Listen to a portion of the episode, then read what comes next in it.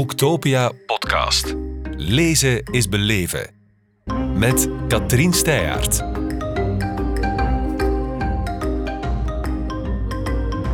Welkom, lieve Joris. Hallo, goedemiddag Katrien. Kennen jou van uh, talloze boeiende omzwervingen van het Midden-Oosten tot Afrika, maar sinds kort keer je terug naar Neerpelt, je geboortedorp. Zo heet ook je laatste boek uit 2018. En ook dit boek, Hildeke, speelt zich in je geboortedorp af. Is dat een soort logische cirkelbeweging die men in een mensenleven maakt? Ik had niet gedacht dat ik het ooit zou doen. Ik dacht, ik ga hier altijd omheen schrijven. En uh, heel in het begin, toen ik begon met schrijven, was dat het eigenlijk wat ik wilde doen. Schrijven over waar ik vandaan kwam en zo, maar toen kon ik het natuurlijk nog niet. Natuurlijk, en, waarom natuurlijk? Ja, ik vind het altijd zo mooi als mensen zoals Franka Treur of uh, Marieke Lucas Rijneveld, die al in een heel jong stadium van hun schrijverscarrière kunnen terugblikken op waar ze vandaan kwamen. Maar ik moest leren schrijven, ik moest leren kijken en dat heb ik geleerd tijdens mijn reizen. En toen ik, um, dan komt er zo'n moment waarop je denkt, zou mijn pennetje goed genoeg geslepen zijn om ook iets te kunnen schrijven over de wereld waar ik omheen heb gereisd. En ik herinner me toen ik uh, begon met Terug naar Neerpelt in 2015, de eerste maanden, zei ik altijd, ja, ik ben het aan het proberen de druk weghalen bij jezelf? Ja, ik wist niet of het zou lukken. Ik had tegen die tijd natuurlijk genoeg mensen om mij heen die mij zouden ervoor behoeden dat ik uh, een enorme flater zou slaan. En dan zo langzamerhand uh, voelde ik, oké, ik, ik denk dat ik het kan nu. Dat is wel mooi wat je zegt. Het klinkt alsof je dat het meest dierbare vindt om over te proberen schrijven. In mijn geval het moeilijkste omdat je, je schrijft over iets dat heel dichtbij is en tegelijkertijd moet je een zekere afstand hebben. Je moet mhm. niet eroverheen gaan hangen. Rob van Essen, de mhm. eh, schrijver en mhm. recensent, die schreef een keer over een, uh, over een boek dat de schrijver moet een zekere afstand houden tot zijn personages. Hij moet er niet overheen gaan hangen, zodat die personages hun eigen leven kunnen leiden en bewegen en de lezer een contact met ze kan hebben. Je hebt soms boeken die autobiografisch zijn en dan, uh, dan hangt de schrijver zo heel erg over het onderwerp heen. Zoals een vroegere vriend van mij zei: uh, Jij moet niet huilen de kijker moet huilen in het geval van een acteur bijvoorbeeld. En ja, daar ben ik heel erg mee bezig geweest om te zorgen dat uh, ik niet uh, een huilenbak zou zijn als schrijvend. Ja. Het is niet gebeurd, dat kunnen we wel garanderen. Uh, terug naar Neerpelt richtte zich meer op je broer, Fonny. Nu gaat het over Hildeke. Hildeke is je zus. Uh, en zij zit op het andere uiterste van de schaal van het menselijk tekort. Hoezo? We waren met z'n negenen. Ik zat er net middenin. Nummertje drie was Fonny, die denk ik toch wel een persoonlijkheidsstoornis had. Mhm. Heel getalenteerd, maar ook heel onevenwichtig, autodestructief. Uh, drugs, uh, vlak bij de Nederlandse grens uh, opgroeien.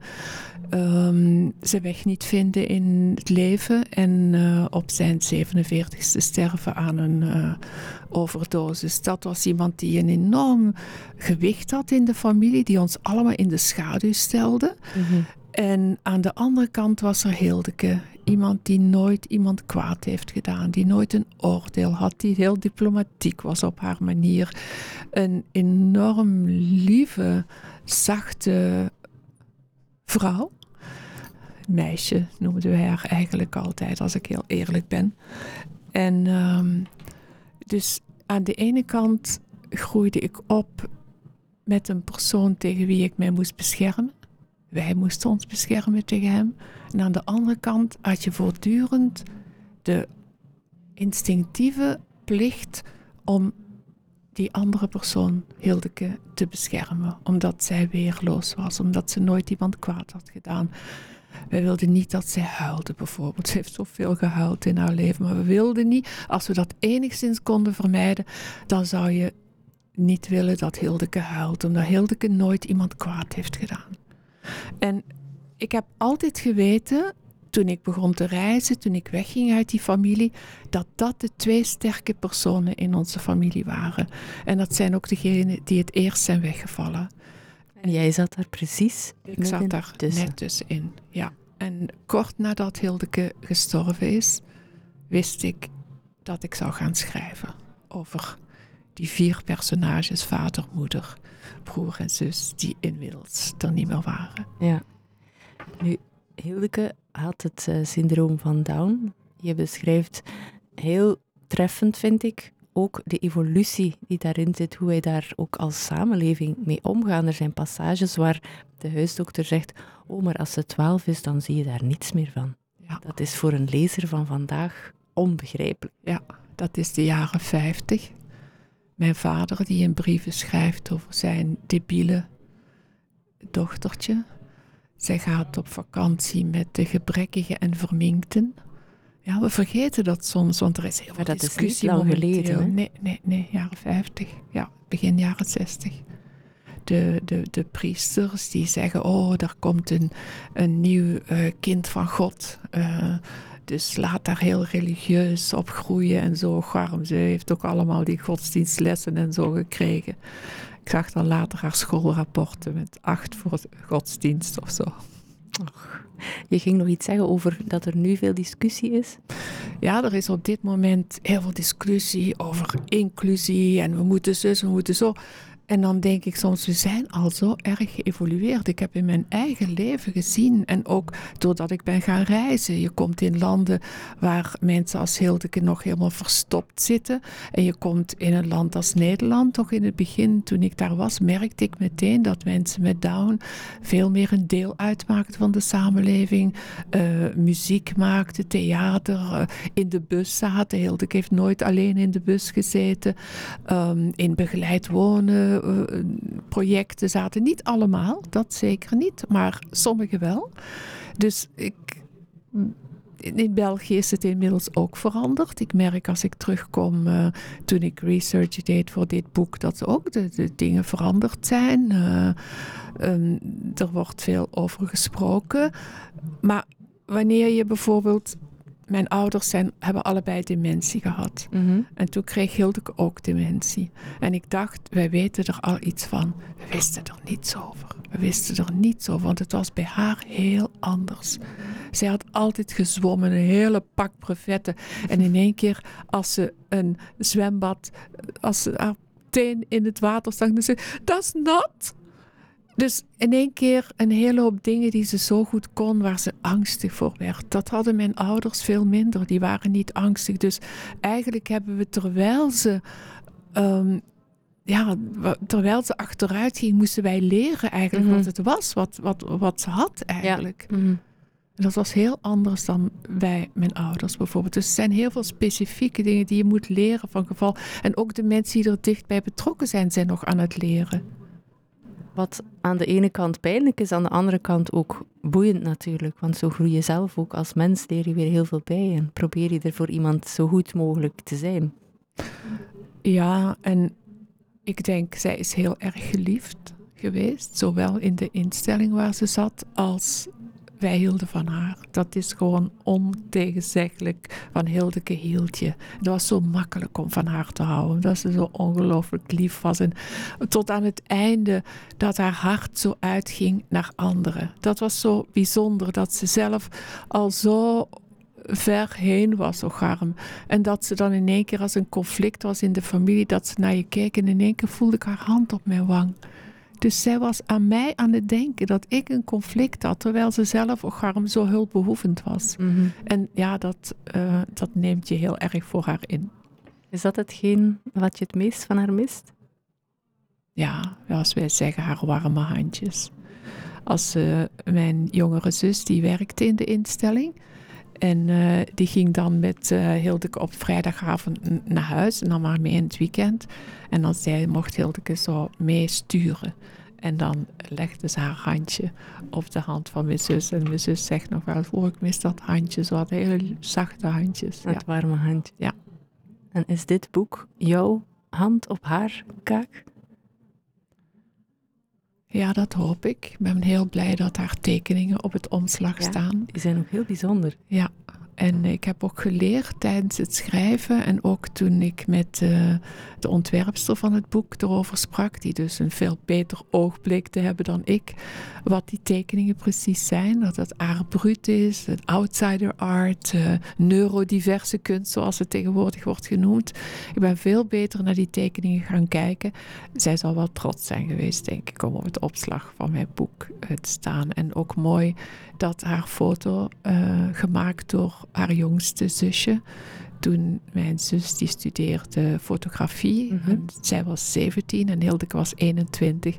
En toen heeft ze haar bij de garagepoort. Ik heb zo'n hele serie foto, de negatieve gezien. Je moet allemaal gezichtjes trekken. En ze, ze vraagt eigenlijk een beetje wat is hier aan de hand en hoe moet ik kijken. En een van die foto's hebben we gekozen. Dus het is wel mooi. Het is een familieprojectje eigenlijk.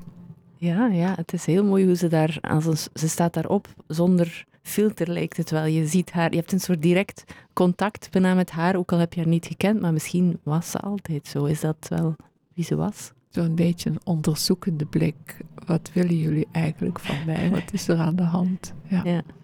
Als je dan over die uh, Art Brut bijvoorbeeld spreekt, heb je ooit het gevoel van, "Ach, de, we hebben er toch ze had zoveel talenten en misschien hadden we daar toch nog meer mee moeten bezig zijn. Als je nu ziet wat uh, mensen met het syndroom van Down allemaal ondernemen en hoe we daarmee omgaan, bekruipt je soms een gevoel van spijt of van een gemiste kans voor Hildeke? Dat had ik tijdens het schrijven natuurlijk heel dikwijls, dat ik verdriet had over bepaalde dingen. Um, maar tegelijkertijd, we moeten haar en ons in de tijd zien waarin mm -hmm. het zich afspeelde. Mm -hmm.